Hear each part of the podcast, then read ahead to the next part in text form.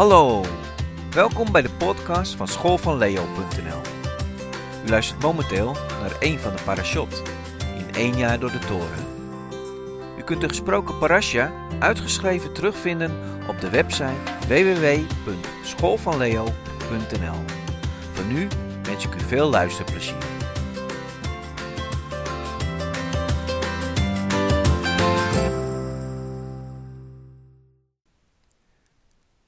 Parasha die deze week behandeld wordt, heet Tetzaveh. Het Bijbelgedeelte dat gelezen wordt is Exodus 27 vers 20 tot en met Exodus 30 vers 10. Het Hebreeuwse woord Tetzaveh is van het werkwoord tziwa en dat betekent bevelen, gebieden, opdragen. En als we het begin van het Bijbelgedeelte van Tetzaveh lezen, dan lezen we dan ook, u moet de Israëlieten gebieden dat zij zuivere olie, uitgestoten olijven voor u meenemen voor het licht, om voortdurend een lamp te laten branden.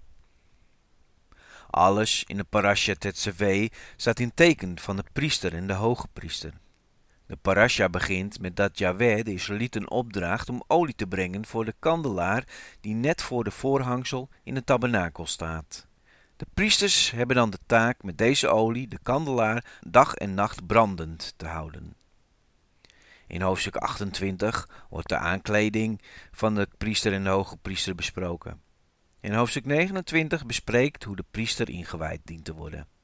En de parasha eindigt met de beschrijving van hoe het reukofferaltaar vervaardigd moet worden en hoe de hoge priester deze moet gebruiken. Wat opvalt is dat de uitleg over de kleding van de hoge priester of de en de priester en zijn inwijding tussen de uitleg staat van de attributen. En het lijkt net alsof de hoge priester en de priesters worden gezien als attributen voor God. En het klopt ook wel, want net zoals de tabernakel en de attributen moeten ook de priesters en de hoge priesters gereinigd en geheiligd worden. Ze mogen daarna ook niet meer in contact komen met het profane. In dat opzicht zijn de priesters en de hoge priesters net als de attributen volledig toegewijd aan Jahweh. Ik wil eventjes een kanttekening maken, want de Bijbel kent het woord onheilig niet. Dus wanneer iemand of iets niet meer heilig is, dan krijgt zij dus niet de status onheilig, maar profaan. En profaan zijn wil betekenen dat je gewoon weer onderdeel bent van het volk of van de wereld. Een attribuut of een persoon is dus niet meer apart gezet, dus geheiligd voor God. Dus dat alleen maar voor God gebruikt mag worden. In Exodus 28 vers 2 lezen we dat de kleding van Aaron als hoge priester tot heerlijkheid en sieraad was. De Hebreeuwse woorden die voor heerlijkheid en sieraad wordt gebruikt zijn respectievelijk gavet en tipperet. Gavet wordt vaak gebruikt voor Gods heerlijkheid, Gods glorie aan te geven. En het Hebreeuwse woord tipperet heeft de betekenis van schoonheid. Met andere woorden, de kleding van Aaron had tot doel om de heerlijkheid en de schoonheid van God te weerspiegelen. Hoe mooi dit ook mag klinken, toch heeft dit vers iets dubieus. Voor ons als hedendaagse 21-eeuwse personen valt het ons niet zo op.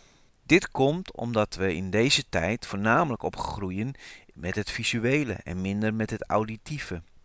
Al komt de laatste jaren het auditieve door podcasts en luisterboeken meer in beeld. Maar in de tijd van de Bijbel, binnen het volk Israël en in het judaïsme, ging en gaat het voornamelijk om het horen in plaats van het zien. Het sleutelwoord is wel het bekende Shema. Hoor Israël, de Heer uw God is één. Shema, Israël, Adonai Eloheinu, Adonai Echad. In Deuteronomium is het woord Shema een dominante thema, waar het niet minder dan 92 keer voorkomt. De Joodse spiritualiteit gaat dus meer over horen en luisteren dan zien. De Joden bedekken dan ook hun ogen bij het opzeggen van de Shema. Op die manier sluiten zij de wereld van het zicht buiten en concentreren zij zich op de wereld van het geluid, van woorden en communicatie. In de Bijbel zien we een constante strijd tegen afgoderij. De volkeren om hen heen zagen hun goden namelijk in de zon, de sterren, de rivier, de zee, de regen, het dierenrijk of de aarde. En ze maakten visuele voorstellingen van deze dingen. De Bijbel laat duidelijk zien dat God niet in de natuur is, maar dat Hij er boven staat. De natuur is Gods werk en niet God zelf. Toch wordt hier voor de kleding van de hoge priester een uitzondering gemaakt, waar de nadruk lag op het visuele. Maar waarom is dat? Voor we hier antwoord op geven, gaan we eerst nog kijken naar een ander aspect. Ook dit is niet direct te herleiden uit de vertaling, maar in het Hebreeuws des te meer. Het Hebreeuwse zelfstandig naamwoord voor de klederen van Aaron is bigde, dat klederen van betekent. Het enkelvoud is beget en kan ook verraad betekenen. In Genesis zien we dat waar een kleed of een mantel een sleutelelement is van het verhaal, dat het gepaard gaat met een of ander bedrog of verraad. Zo maakten Adam en Eva klederen van vijgenbladeren voor zichzelf, na het eten van de boom van kennis van goed en kwaad. Jacob droeg de klederen van Esau om zijn vader Jacob te bedriegen en zo de eerstgeboorte zegen af te pakken. De broeders van Jozef gebruikten de met bloed doordrenkte mantel van Jozef om hun vader Jacob te misleiden, door hem te laten denken dat Jozef door een wild beest was gedood. Tamara trok kleren van een prostituee aan om Juda te misleiden bij haar te komen liggen. De vrouw van Potifar gebruikte het kleed die Jozef had achtergelaten als bewijs voor haar valse verklaring dat Jozef haar probeerde te verkrachten. En Jozef gebruikte zijn mantel van onderkoning om zijn identiteit voor zijn broeders te verbergen. Als de Torah zich zo op een negatieve manier bezighoudt met kleding, met gewaad of mantel, waarom kiest God er dan toch voor om Aaron zo excentriek te kleden? Dat de focus voornamelijk op het visuele komt te liggen. Zijn dit niet precies de twee gevaren, de mantel en het visuele, voor het volk van Israël en het judaïsme? Zoals we net hebben gezien, je hoeft alleen maar te denken aan de mantel van Jozef en het maken van een gouden kalf door het volk van Israël. En misschien valt de opstand van Korach tegen Mozes en Aaron hier ook wel onder. Als levieten wilden zij nu ook het priesterambt hebben. Deze geschiedenis kan je lezen in nummer 16 en dan vooral de versen 9 en 10. Als eerste is het belangrijk om onderscheid te maken tussen de kleding het gewaad die de mens zelf maakt of aantrekt en de kleding van Aaron, de hoge priester. Het eerste is namelijk gemaakt en aangetrokken naar het voorbeeld van het aardse. Het tweede naar het beeld van het hemelse. Nadat Adam en Eva van de boom van kennis van goed en kwaad hadden gegeten, merkten zij beiden dat zij naakt waren. Rabbijn Pirkei de rabbi Eliezer zei hierover: wat was het kledij van de eerste mens? Een schilferige huid en een wolk van glorie bedekte hem. Toen hij van de vrucht van de boom at, werd de schilferige huid van hem ontdaan en de wolk van heerlijkheid verliet hem. En hij zag zichzelf naakt, zoals er gezegd wordt, en hij zei, wie heeft u verteld dat je naakt was? Heb je gegeten van de boom die ik u geboden had? Voor de zondeval waren Adam en Eva omkleed met een mantel van heerlijkheid. Zij dienden zijn heerlijkheid op de aarde te weerspiegelen. Zoals God in Genesis 1 vers 26 zei, laat ons mensen maken naar ons beeld, naar onze gelijkenis. Dit was dezelfde hemelse kleed die God aan Mozes liet zien om deze te maken voor Aaron. Na de zonneval maakten Adam en Eva voor zichzelf klederen van vijgenbladeren.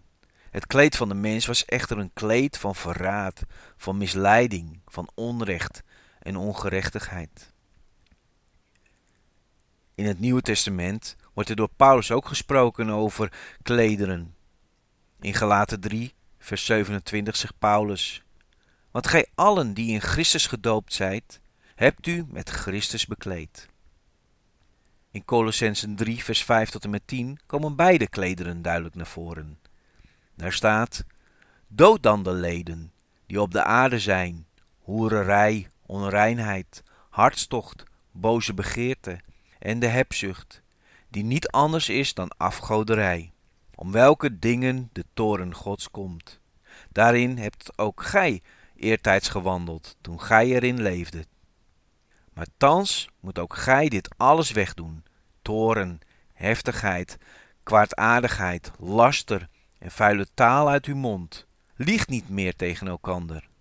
Daar gij de oude mens met zijn praktijken aflegt en de nieuwe aangedaan hebt, die vernieuwd wordt tot de volle kennis naar het beeld van zijn schepper. Paulus spreekt in de net gelezen Bijbelgedeelte over het kleed van de oude mens, die wij af moeten leggen, moeten uittrekken, om de nieuwe mens aan te doen, dat naar het beeld van de schepper is. De hoge priester representeerde met het hemelse voorbeeld, Christus, de nieuwe Adam. Zoals in de vorige parasje te roemen al was vermeld. Hij was degene die met God in het heilige der heiligen een intieme relatie mocht hebben, zoals Adam deze had met God in de hof van Eden. Door het dragen van de hemelse kleding was Aaron, de hoge priester, een schaduw voor de Israëlieten, dat God op een dag een omkeer zou brengen en dat werkelijk zonder voorhangsel in hun midden weer zou kunnen wandelen. Toch hebben we de vraag waarom voor het kleed van de hoge priester een uitzondering werd gemaakt voor het visuele nog niet echt beantwoord. Om deze vraag te kunnen beantwoorden pakken we Johannes 1 vers 14 erbij. Daar staat, het woord is vlees geworden en het heeft onder ons gewoond en wij hebben zijn heerlijkheid aanschouwd. Een heerlijkheid als die van de enige geborene des vaders, vol van genade en waarheid. En wij hebben zijn heerlijkheid aanschouwd. Hoewel Johannes zijn evangelie hiermee begint, hebben de discipelen deze heerlijkheid van Jezus pas gezien na zijn kruisdood en opstanding. En natuurlijk hebben zij door de handel en de wandel en de woorden die Jezus sprak iets bijzonders gezien. Maar tijdens zijn rondgang door Israël heen hebben zij het niet kunnen duiden. De heerlijkheid en schoonheid van Jezus, de Messias, was namelijk niet direct zichtbaar van buitenaf. Het werd zichtbaar door het karakter, innerlijk van Jezus. Deze weerspiegelde namelijk het beeld en het karakter van Yahweh. Is het je wel eens opgevallen dat wanneer Paulus spreekt over de werken van het vlees in Galaten 5, dit allemaal uiterlijke zichtbare werken zijn, die zijn uitwerking heeft naar het innerlijk op een negatieve manier?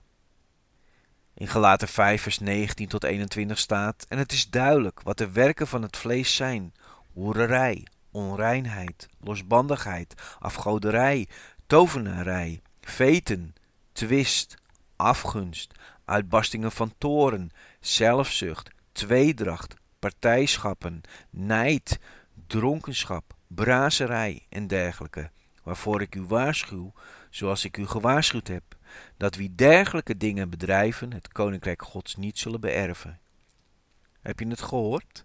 Hoererij, uitbarstingen van toren, tweedracht, partijschap, dronkenschap zijn allemaal uiterlijke dingen die een negatieve effect hebben op jouw innerlijk. De werken of de vrucht van de geest daarentegen zijn in eerste instantie innerlijke verborgen werken en die zijn uitwerking zal hebben naar buiten toe op een positieve manier. In Gelaten 5 vers 22 lezen we, maar de vrucht van de geest is liefde, is blijdschap, is vrede, is langmoedigheid, vriendelijkheid, goedheid, trouw, zachtmoedigheid, zelfbeheersing. Het zien van de hemelse kleding van de hoge priester leidt dan ook tot het zien van Gods karakter, namelijk zijn heerlijkheid en schoonheid. Dit in tegenstelling tot het zien van de aardse kleding van de mens zelf, dat leidt tot het zien van verraad en misleiding. Bedankt voor het luisteren naar de podcast schoolvanleo.nl. Wilt u meer Bijbelsonderwijs vanuit het Hebreeuws denken?